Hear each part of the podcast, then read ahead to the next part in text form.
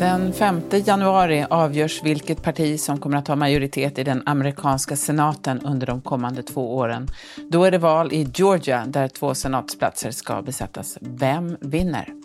Välkommen till Studio DN. Jag heter Sanna Thorén Björling.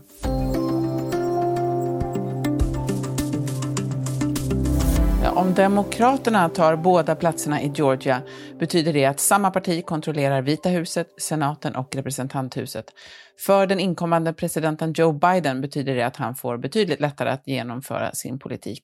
Om Republikanerna däremot vinner en eller båda platserna blir det svårare. Idag ska vi prata om det här med DNs korrespondent Karin Eriksson. Välkommen! Tack så mycket! Du, hur viktigt är det här valet skulle du säga?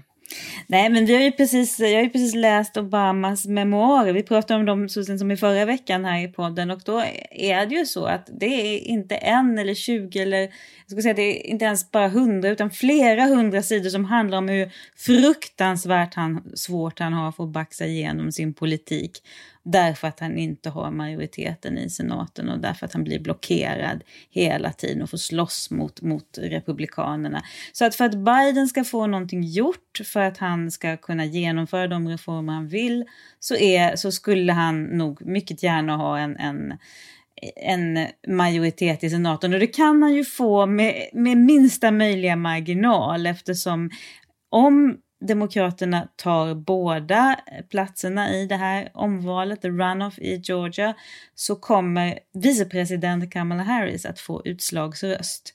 Det innebär inte att alla problem är lösta, man kan konstra lite ändå kan vi se av historien, men det är ändå en, en det skulle ändå ge Biden-administrationen en helt annan start. I den andra kammaren som är i kongressen, i, i representanthuset, har man ju faktiskt majoriteten, även om man backade i senaste valet. Eh, vi kanske ska säga också att senaten är en viktig plats därför det är där man, man till exempel när, när det är fördrag med andra länder så är det senaten som ska godkänna dem. Det kan betyda en del i klimatsammanhang till exempel.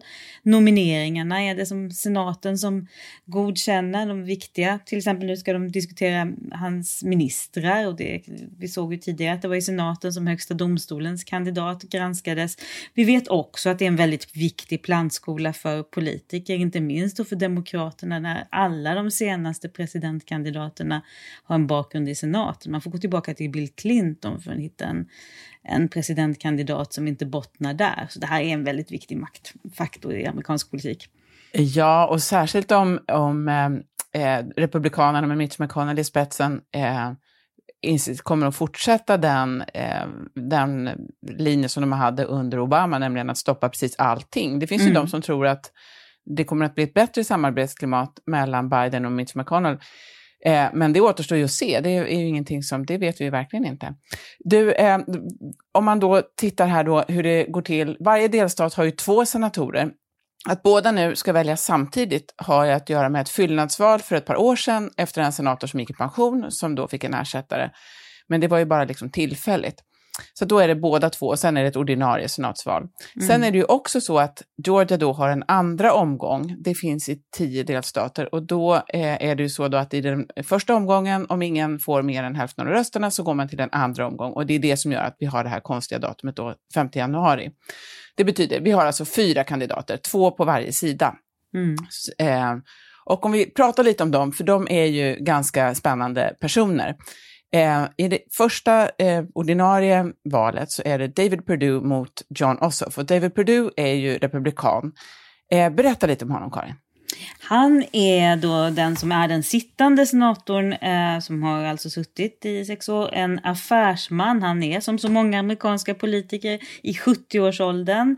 Eh, och han står Trump nära, har stöttat Trump. Han till exempel så är han väldigt skeptisk till det här med klimatförändringar. Han är också kontroversiell därför att han är en ganska rik senator. Vi kommer att prata om någon som är ännu rikare strax, men han är ganska rik. Och han har hållit på att handla en hel del med värdepapper under sin tid i senaten, vilket har gjort att han har misstänkts för vissa insideraffärer. Där har han friats av senatens etikkommitté. Men det är ändå en hel del diskussioner om, om han och hans affärer inför det här valet, så det är mycket affärsmannen. eh, Perdue. Just det, precis. Eh, och eh, det där får han ju en del kritik för då eh, av sin motståndare. Eh, och eh, kan man säga någonting, vad kan man säga om John Ossoff? Ja, han, jag skulle säga att av, av de här fyra så är han kanske den som är den minst, den, kar den karaktär som sticker minst ut. Men han är, ganska, han är ju ung då, han är inte ens hälften så gammal som Perdue. Han är bara strax över 30, han är grävande journalist faktiskt. har jobbat på ett dokument, med dokumentärfilm. Han har också en masters från, från London där han har, bott i flera år. Han, under en tid så var han, eh, jobbade han för, för den här kongressledamoten John Lewis, människorättsaktivisten som gick bort ganska nyligen. Han är eh, en, ganska, en mittenkandidat i Demokraterna. Det finns de i vänsterfalangen som inte tycker att han är radikal nog. Och där har det varit lite diskussion om, just nu har man slutit leden, men han har, han har inte omfamnats av alla tidigare av just det skälet. Nej, just det. Han har väl också ställt upp eh, på lite lägre nivåer eh, så att han är inte helt okänd för befolkningen i Georgia. Mm. Vi ska titta lite grann på det andra racet också. En av kandidaterna där låter så här. But if the people of God would ever get enough nerve and unmitigated audacity to preach about the radical and revolutionary love of God, the God who loves all of us, the God who transcends racism and sexism and all of the other isms, we will turn the world upside down. ja, det här är Raphael Warnock. Han låter ju lite som alltså Samuel L. Jackson i Pulp Fiction, det måste man ju ändå säga. Vem är han? Ja, vad kan han ha för yrke förutom att han är politiker? Det, det hör man ju väldigt väl här. Han är alltså baptistpastor och, och ganska mycket en aktivist. Han kallas för Radical Raphael ibland och han är lite kontroversiell därför att han har under sig, inte minst då när han har predikat i, i, under många år, uttryckt ganska radikala åsikter och kritiserat polisen, diskuterat eh, kapitalismen, eh, varit inne närmat sig marxismen. Eh, sånt som han nu får vänt mot sig den ganska hårda kampanjen i, eh, i eh, Georgia. Just det, vi ska alldeles strax snacka mer om vem han står emot. Han, eh... Jättespännande är det. Det blir jättespännande. Vi kommer tillbaka strax.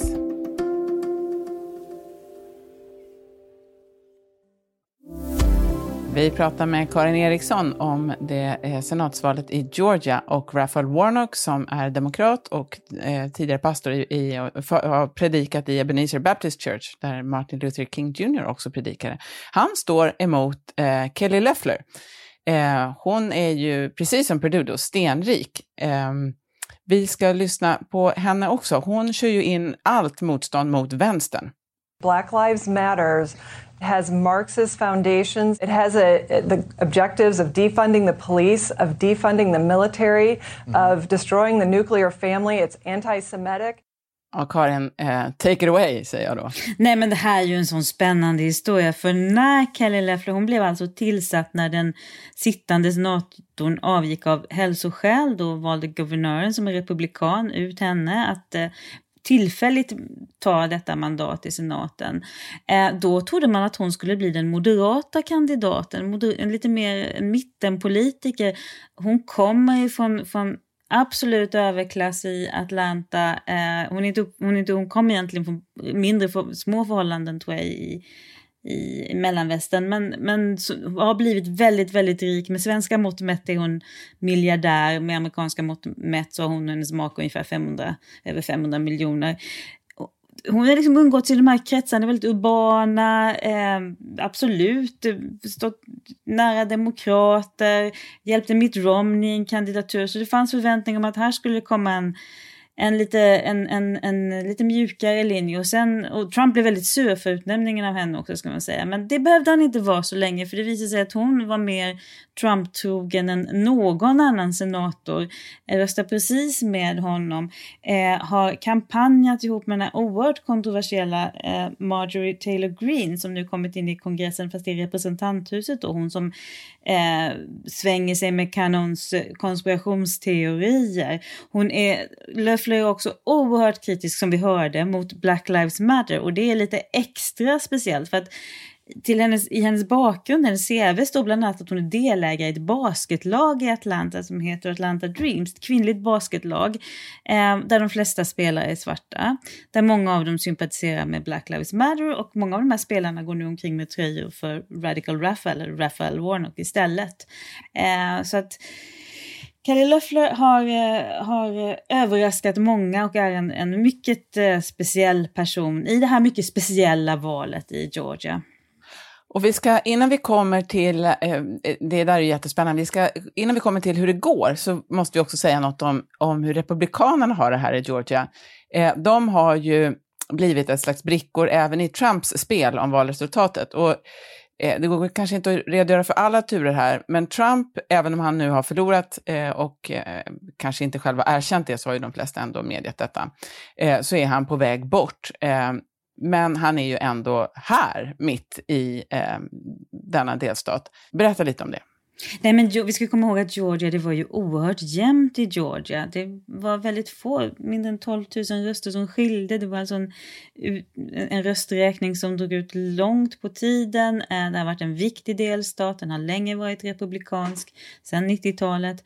Ehm, så att det, det, det, det, är ju, för det första är det en delstat där valresultatet är väldigt omstritt. Och det har gjort att det har varit mycket starka påtryckningar på delstatsledningen. Och då talar man ju alltså om guvernören, vice guvernör, justitieminister och vad, vad man skulle kunna kalla för statssekreteraren i, i eh, Georgia. Det är inte riktigt som en svensk statssekreterare, men det är den som är den eh, högt uppsatta politiker som ansvarar för valet. Alla de här personerna är ju ansvariga för att valet gick rätt till och säger att det här valet gick alldeles utmärkt och de har ju då hamnat fullständigt i luven med Trump-anhängarna. Eh, och det, det, vid det här laget, just när statssekreteraren, och vi ska kalla honom valansvarig, som heter Brad Raffensperger, han, han sitter nu och twittrar otroligt kritiska saker om båda de republikanska kandidaterna i det här omvalet. Så att spänningarna är, är väldigt, väldigt tydliga. Man ser verkligen bråken inom Republikanerna om den här Trump-äran. De utspelar sig nu väldigt tydligt i Georgia, mitt under det här omvalet.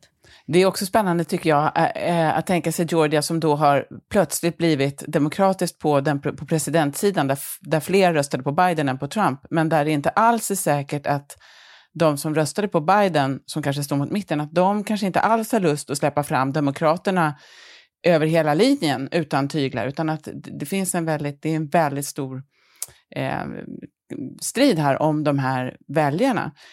Men det är ju mm. just det här att, att eh, att Demokraterna ändå har gjort stora framgångar eh, visar ju också, syns ju också om man tittar på Joe Biden som ju vädrar lite morgonluft här och till och med åkt, åkt till Atlanta för att kampanja. Eh, varför åker han dit? Nej men det var ju det vi talade om från början om hur, hur som du sa, som vi båda säger att det här är så det är ett sånt viktigt val, det avgör så mycket av vad hans administration kan få igenom. Så när han var där, tror jag igår, så sa han att eh, ni, har röst, ni röstade som det gällde livet och nu måste ni göra det igen. Det, därför åker han dit. Han åker dit just nu också för att de har ju förtidsröstning i Georgia. Det är ju lite olika valsystem i olika delstater. Men här har man, så att omvalet har egentligen redan börjat as we speak. Och han, han förstår ju också då att det finns en chans att ta det här. Eh, om, de, om de var chanslösa skulle han ju förmodligen kanske inte åka. Men du, vad säger opinionsundersökningarna? Vem vinner det här? Det är tajt. Eh, jag tittade på 538s sajt, ehm, som de hade en färsk undersökning och där är det ett litet, litet övertag för de båda demokratiska kandidaterna, men det är också ett krympande övertag.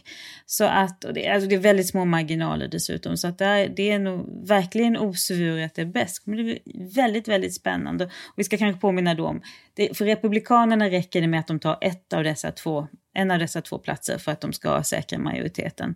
Mm. Så allt beror egentligen på valdeltagandet kan man ju säga, eller hur? Absolut, det här kommer att vara helt och hållet en fråga om mobilisering. Och där vi inte vet hur alla de här bråken i Republikanerna och, och, och besvikelsen över att Trump ändå får gå, hur, hur den kommer att eh, påverka deras mobilisering. Annars normalt skulle ett omval, det skulle vara lägre valdeltagande. Mm. Ja, häng med och fortsätt följa Dagens Nyheter. Den 5 januari är det alltså val i Georgia. Tusen tack Karin Eriksson, DNs korrespondent. Imorgon ska vi tala om den syriska räddningsstyrkan Vita hjälmarna och den svenska kvinna som var gift med en av frontfigurerna där. För ljudillustrationerna idag stod Fox News. Studio DN görs för Podplay av producent Sabina Marmelakai, exekutiv producent Augustin Erba, ljudtekniker Patrik Miesenberger och teknik Jonas Lindskog, Bauer Media. Jag heter Sanna Thorén Björling.